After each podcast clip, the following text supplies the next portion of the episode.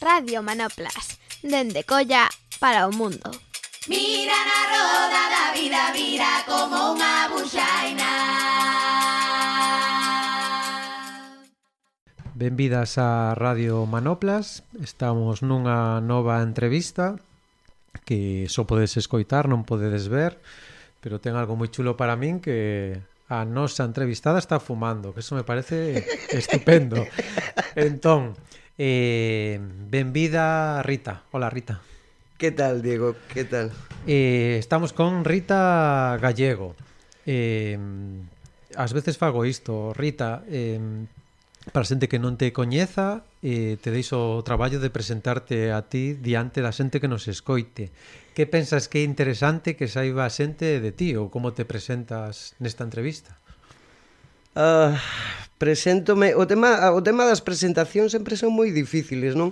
Porque normalmente non vas a falar mal de ti, non? Entonces... Asusto huevo. Bueno, pois Rita Gallego é unha persoa que empatiza con moitísimas cousas insustas que están pasando nesta sociedade, eh, que empatiza, bueno, eh, o que digo, con situacións límites no que nos poñen, bueno, dende diferentes frontes da, da sociedade, e contra, e non vou a facer amigos nin amigas, contra a propia sociedade. Por o tema da impasividade, de, de que xa... Non, non penso que se fixera burguesa, non?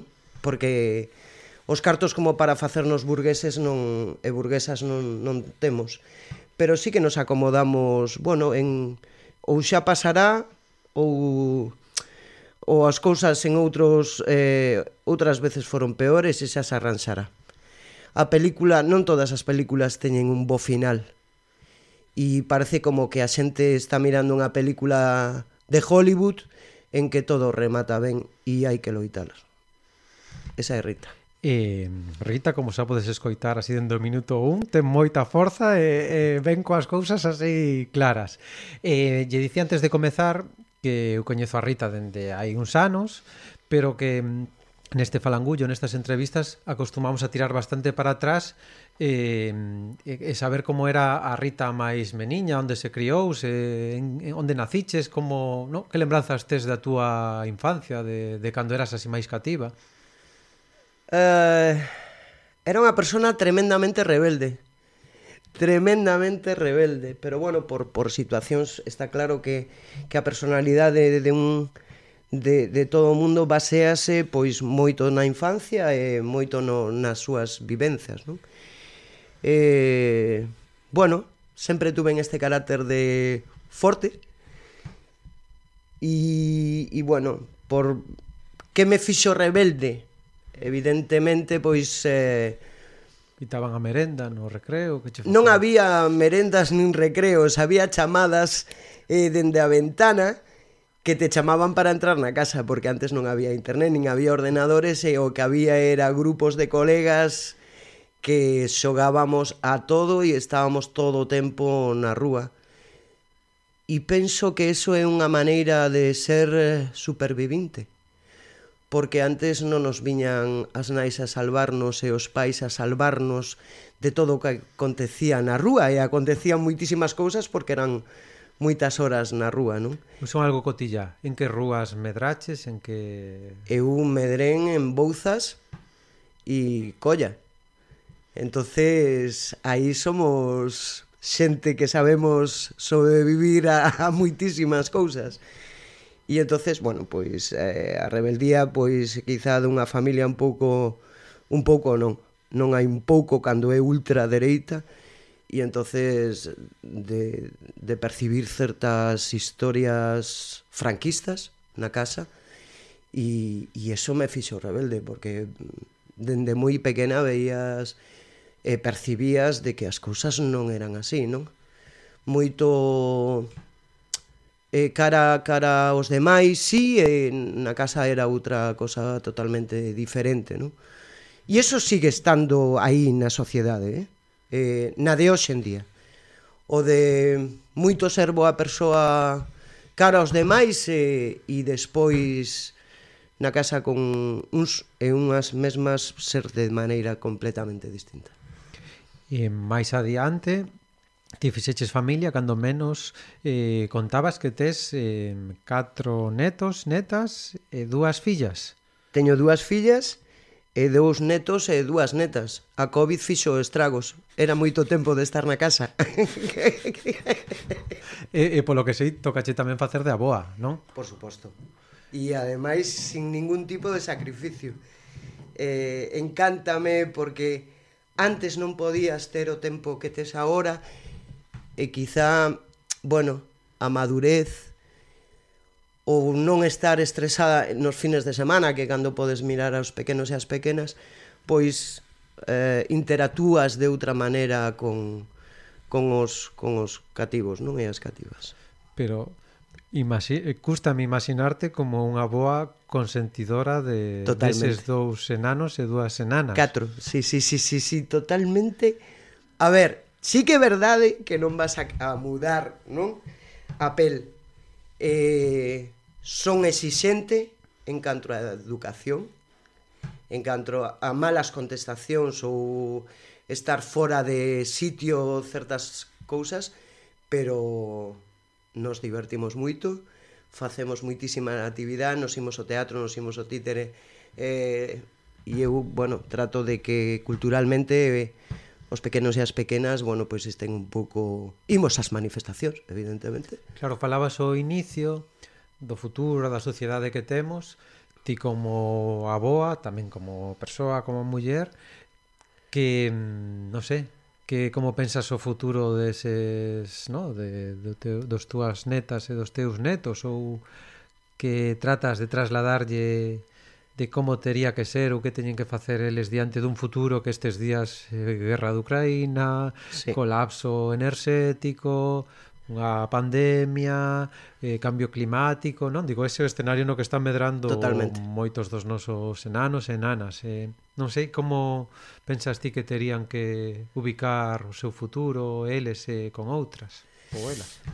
Outro día leía unha frase que de verdad gustoume porque eu a vexo así, tal cal eh, o decía, que era que mundo imos a deixar para os nosos os, os que veñen detrás, non? E el decía a quen vamos a deixar para, para que este planeta vaya mellor. E eu decía un pouco que eu eh, seguramente errada ou non, pero sí o penso, Eh, quizá, bueno, porque veño porque nacín fai moitos anos. Penso que eh, nin, nin o de antes, nin o de agora. Vexo que hai críos e crías onde onde a super hai unha superprotección agora que de verdad a min é que me enreda a cabeza porque non o vexo normal. Non é o de antes de de que chegabas a casa e ao mellor tiñas un brazo roto e a nariz rota e non e non contabas e tal. Eso non eh, as palloneras que te metían, porque claro, éramos rebeldes e decías que non é normal o que o que faz, pero tampouco o de agora. Este tema de superprotección e de irresponsabilizar de que nunca pasa nada e de que de deixar os nenos e as nenas aparte parte para que non o pasen tan mal, eu de verdad que non o vexo en certas cousas, eh? en outras sí, evidentemente, pero estes temas eu non o vexo. O tema da incomunicación, de deixalos todo o día nun ordenador, etcétera, etcétera, etcétera, e que, pobre, que ten poucos anos, non, non. Eh, dende logo non os tes que poñer aí ao frente de todo, pero sí decirlle o que acontece, por que acontece, eh, ao mellor pois non todo o mundo leva os seus pequenos e as súas pequenas as manifestacións e lle conta por que son ese tipo de, de movilizacións, etc. Bueno, pois hai persoas que ao mellor facendo o mal, non o sei, cada unha o fai da maneira que pensa que, que é mellor para os seus pero penso que sí temos que decirlle a esta xeración que ven detrás por que están acontecendo estas cousas e responsabilizalos e responsabilizalas de moitos temas. Estaba tratando de, de, de entender. Entón, que crees que, que mellora que, que mm, os nenos e as nenas de agora se san conscientes de todo iso? Por que entendes ti que, que teñen que sair desa caparazón, no? dese caparazón no sí. que o mundo adulto sí. temos moito en que mellora as súas vidas, eh, sacalos dese caparazón. Conciencialos. É que a meirande parte da sociedade non ten conciencia de nada.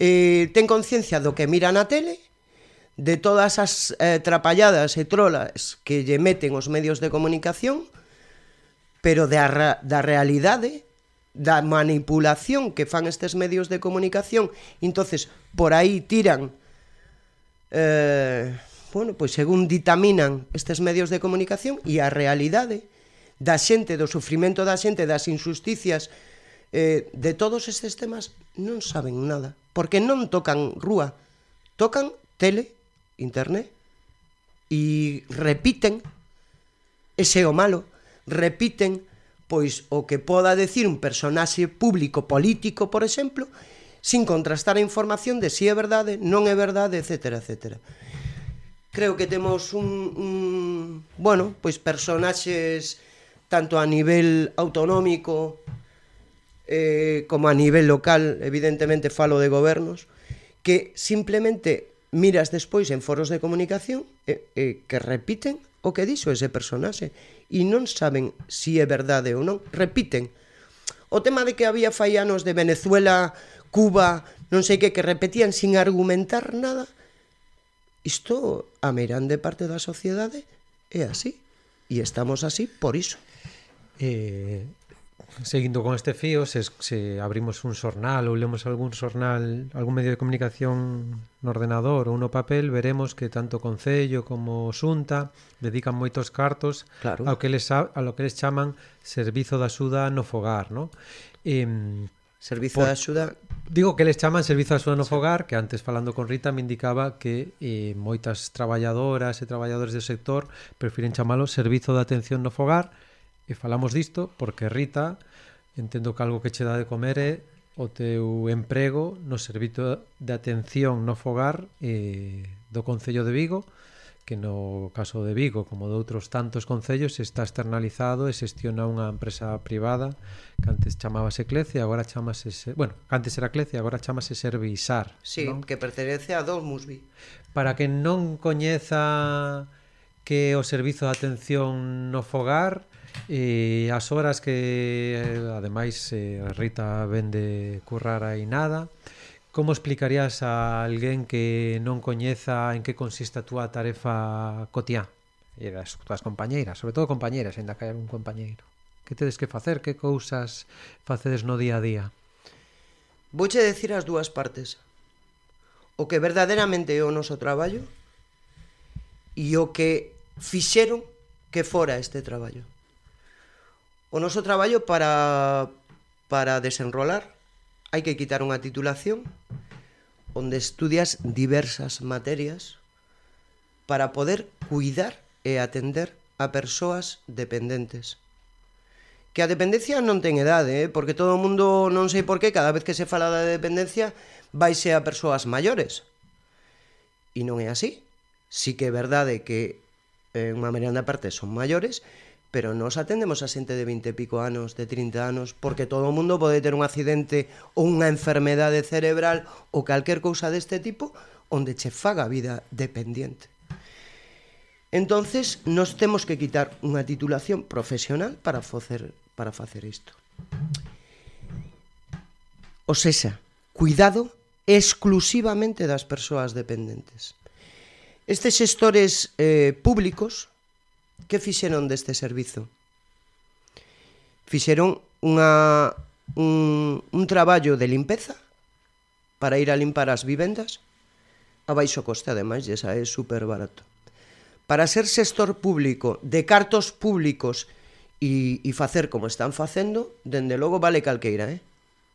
Vale absolutamente calqueira, non fai falta ir á Universidade de Juan Carlos para que che dean esa titulación baixo sobre. Entonces, que están facendo cos cartos de todos e de todas? Pois chaman, eh, se pide a lei de dependencia, donde se está tardando muitísimo para que chodean, muitísimas persoas morren esperando isto, e non solamente vou a responsabilizar aos gestores públicos, sino a unha parte das familias que imos atender, que efectivamente é porque yo venderon así, nos teñen como persoal de limpeza, cando non o somos cando non o somos. De feito, hai certas, eh, certas zoas do Estado, como por exemplo Cataluña, donde as persoas do noso sector simplemente cuidan e atenden funcións cognitivas, administración de medicamentos, eh, alimentación, por suposto, etcétera, etcétera, etcétera. Entre moitas cousas somos psicólogas tamén porque moitísimas cousas que nos contan a nós non o saben as súas familias. Todo este traballo que a xente o toma como si fora porque está desvalorizado, porque simplemente son persoas que veñen da casa que fixeron sempre isto e ahora os, as pasamos a nivel profesional. Entonces está totalmente desvalorizado e non saben realmente cal é a nosa función. Como decía, en Cataluña a xente do noso sector fai iso, atender as persoas dependentes, e despois hai contratación de xente que si fai o tema das limpezas nas vivendas. Hai dous tipos de persoal. Isto é o que se pide. Porque é tanto eh, o pouco valor que nos dan ao noso traballo que nos fan pasar por moitísimas situacións como foi no momento da Covid, por exemplo, mandar a xente a planchar nunha vivenda onde había unha persoa dependente e dúas ou tres persoas máis familiares, cando non se deron conta de que nós tiñamos familia. O sea, somos as rapazas e hai algún rapaz que teñen que facer, punto. Non pensamos que teñen unha familia e unha xente detrás. Fomos o segundo sector máis infectado despois das persoas que traballaban no hospital. Non hubo ningún tipo de evaluación de canta xente morreu, porque nos contaxiábamos. E porque nos nos contaxiaban. En vivenda, xa digo, é un tema de fogar. Entonces, e cando falas de valor, entendo que hai unha parte de recoñecemento social como unha tarefa que mm, está pouco valorada socialmente e tamén profesionalmente pouco valorada eh, económicamente, non? Digo, porque traballas pero non te faz rica, ou sí? Eh, sí, fagome rica en sentimentos. Fagome rica en coñecer a moita xente, en escoitar o que está pasando con elas. Fagome rica en iso. Pero si é económicamente, non chegamos ao SMI. O sea, todo isto que se está pedindo Nos non chegamos. A, ma a maioría da xente cobra 800 euros. Por qué? É imposible decir o porqué. Porque resulta que en vez de ternos a xornada total de 39 horas, que en este momento o caso das traballadoras do sector en Galiza, pois resulta que ao mellor che contratan por mm, 20, 30 horas, non chegas o, o a xornada total E que, e que fan? Cousa que por eso non entendemos. Siguen contratando a máis xente, o sea, se si hai poucas precarias, pois todavía para contratamos a máis precarias. E isto de verdade que non, non ten sentido de E a patronal que di a, a, razón de por que ten tantas traballadoras a tempo parcial en vez de facer eh, máis contratos a tempo completo e eh, diminuir a, a, o cadro de persoal. Eh, Diego, metesme o dedo no ollo. Este é un tema escabroso, o que día patronal, sabes? Porque ainda hoxe escoitaba a xente da COE falando de que, por suposto, e a, e a Pilar Alegre, eh, que decía que tiraba os pelos para patronal, dicindo que eles sempre estiveron con nos. Ben, non estiveron nunca con nos. Somos eh, xente que lle dá beneficios, nada máis. Lles dá exactamente igual as nosas vidas. Exactamente igual. E o problema é que impunemente o siguen facendo gracias aos gobernos e os políticos e políticas que siguen a mantelos. Estos son empresas públicas, nós tiñamos que estar ser persoal do Concello e yo venden a persoas que despois eh, un señor Florentino Pérez que despois che sale o resultado de beneficios de cada ano dicindo que ganou 2.000 ou 3.000 millóns, cando a ti, en estes intres, onde temos 800 euros e as privilexiadas, resulta que non nos queren subir nin o IPC. Se negaron cando nos pagamos, nos nos desplazamos en vivendas de un lado a outro. Non nos pagan, a gasolina non la pagan a 0,18. Eh, os parkings eh, nos temos que pagalos, o sea, o servizo da hora, etcétera, etcétera, o mantenimento do coche, cambio de aceite, cambio de rodas. Ese coche está traballando para a empresa. Non temos ningún tipo de plus. Pero tedes un iPhone. Temos un iPhone, sí. Guau, que mola moito. Digo, fago a broma sí, sí, porque sí, sí, outro día vin que sí, o sí, teléfono de, non? O teléfono da empresa que tedes cada temos... auxiliar é un iPhone, non? Sí, sí, sí, sí, temos un. Ahora non o vedes, pero está sacando un fermoso iPhone eh... Non o quito porque os tampo contra Rita, xa non son horas de Un traballo. momento, Rita. Pero fronte a esa situación que para algunha xente igual non a coñeza ou outra que sí pode ser algo desesper desesperanzadora eh, nos últimos tempos eh, nun contexto bastante complicado porque falamos no inicio que como un traballo no fogar as propias empregadas apenas teñen momentos eh, no? de, de coincidir eh, en espazos comuns eh, foche desquen de crear unha dinámica, unha organización en forma de plataforma galega, non? Sei que tamén que hai outras plataformas noutros territorios do, do Estado, para loitar e para afrontar en común eh, esta situación da que estás a falar e loitar, aí non tanto estiveches nas rúas, eh, non? Eh, visibilizando, sí. facendo un montonazo de, de, de actividades. Eso, eh, falábamos do negativo, pero eh, no medio deste páramo atopachedes tamén a lucidez e as forzas para xuntarvos entre vos e coas dificultades que hai eh, polo menos constituir unha plataforma será algo unha dinámica inda que sexa mínima, Rita está aí torcendo a cabeza, eh, de contestación, non? O, o poder. Eh, contanos algo diso, Rita. Eh, a ver, para contextualizar, non? Simplemente nos é imposible ou casi prácticamente imposible que nos coñezamos, non? Nos entramos nunha vivenda, atendemos a esta persoa, saímos e nos imos para outra, o sea, nos con quen estamos é coas persoas dependentes, pero nunca con as persoas eh, con as traballadoras deste sector porque non coincidimos, é imposible, cada unha ten as súas vivendas e seus, súas persoas dependentes. Entonces, a plataforma formase un pouco eh, por, para que, bueno, para que cada persoa que traballa neste sector pois sí poda decir as, as eivas que ten, as queixas que ten e que está pasando en diferentes municipios, non? Entonces, a plataforma foi un nexo para, para poder saber de, dos municipios como estaban as traballadoras e, e que ibas tiña, non? Efectivamente, bueno, pois coincidimos e en moitísimas eivas eh, e despois nos unimos a, a, a outras plataformas estatais e donde estamos eh, vendo de que, bueno, de que en todos os sitios é igual, pero simplemente por eso, por o razonamento de que fixeron ver de que o traballo noso da casa despois tiña que ir a outras casas. Xa está. Por eso estamos todas exactamente. Non o ven como unha profesión. Isto non pasaría e non o digo en plan feminista radical, non sei que. No, isto eh, nun traballo de homes non pasaría. Así de claro. Que pasa?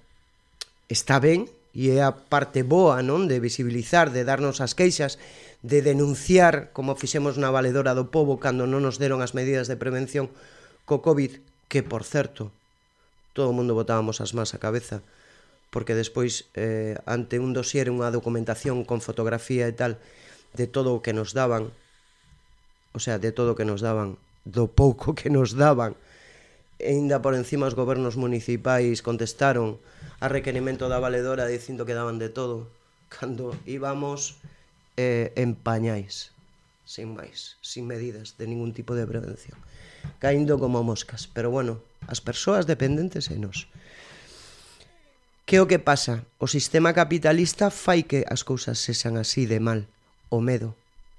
Cando unha persoa, cando nunha familia Cando nunha vivenda entran 500 e 600 euros, o medo a que ese pouco cho quiten fai que frene a mobilidade. Fai que ti non te decidas a sair á rúa. Porque é o que tes, sen máis. Hai outra xente que pensamos que isto, si todas nos uníramos, e pelexáramos, ao mellor non habería ninguén cobrando 500 e 600 euros. Hai moitísima xente pedindo axudas sociais. Porque aínda traballando, por o tipo de contratación do que falábamos, non chegamos a un salario digno. E máis cos gastos que acarrea traballar nisto. Entonces, bueno, hai moita xente que lle ten moito medo a mobilizarse e outras pensamos que se si de verdad tiveramos a forza de unirnos, isto remataba. Porque nós de verdad, aínda que nos queiran eh, facer moitas loubanzas, nós sí sabemos que somos un sector esencial. Eles solamente o din, ou elas, os gobernos me refero. Nós sí sabemos que o somos. Para moita xente, ademais. Eh, Rita, dicen que ia roubarche 25 minutos, se van 26. Entón, Eh, explicaba tamén que este falangullo sempre remata igual pedíndolle neste caso a ti a Rita que, que te despidas cunha canción coa que queiras que quede a xente sonando aquí nos seus móviles ou coches ou onde sexa. Que canción escolliches? Eh, iba a coller unha do Fire de Torito Grau. Pero viuseme a cabeza o da paz esquivades Non sei por qué Pois nada, quedamos escoitando a SES co a canción titulada Paz Esquiva e nada, moitísimas grazas eh, Rita por contarnos este esta naco da túa vida e tamén das túas compañeiras e nada, seguiremos a ver por aí. Gracias. Moitísimas gracias a ti. Hasta logo. Hasta logo.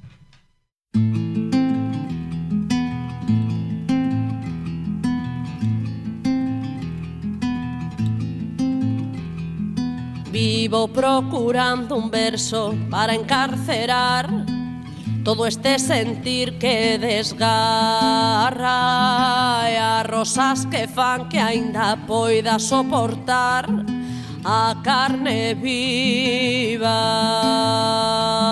E até no máis alto monte respirar e guardar os ollos das sabias. Vivo procurando un verso para encarcerar a paz esquiva.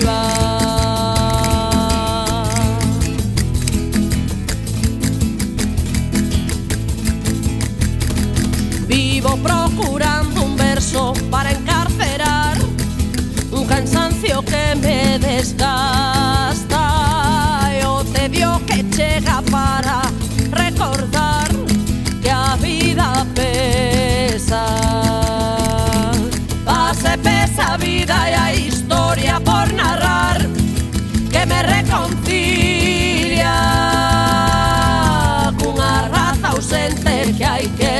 recuperar esta vendida E que fuxa o medo a pensar e que amar Non se encerren ojos e lanzas. E que os terroristas sexan como debe ser Os que consideran un gran crime diverxer.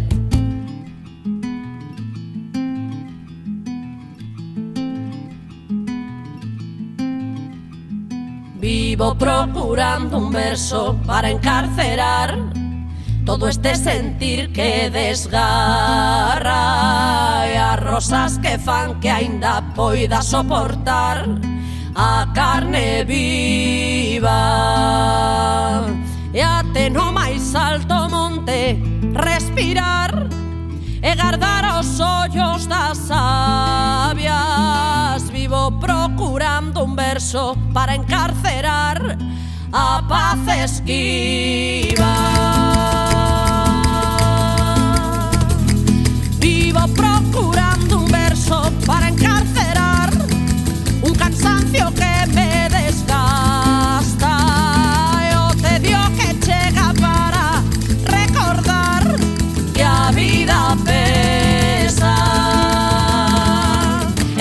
que fuxo medo a pensar e que amar. Non se encerren ocos e lanzas sexan como debe ser. Os que consideran un gran crime diverxer E que fuxo medo a pensar e que amar. Non se encerren ojos e lanzas.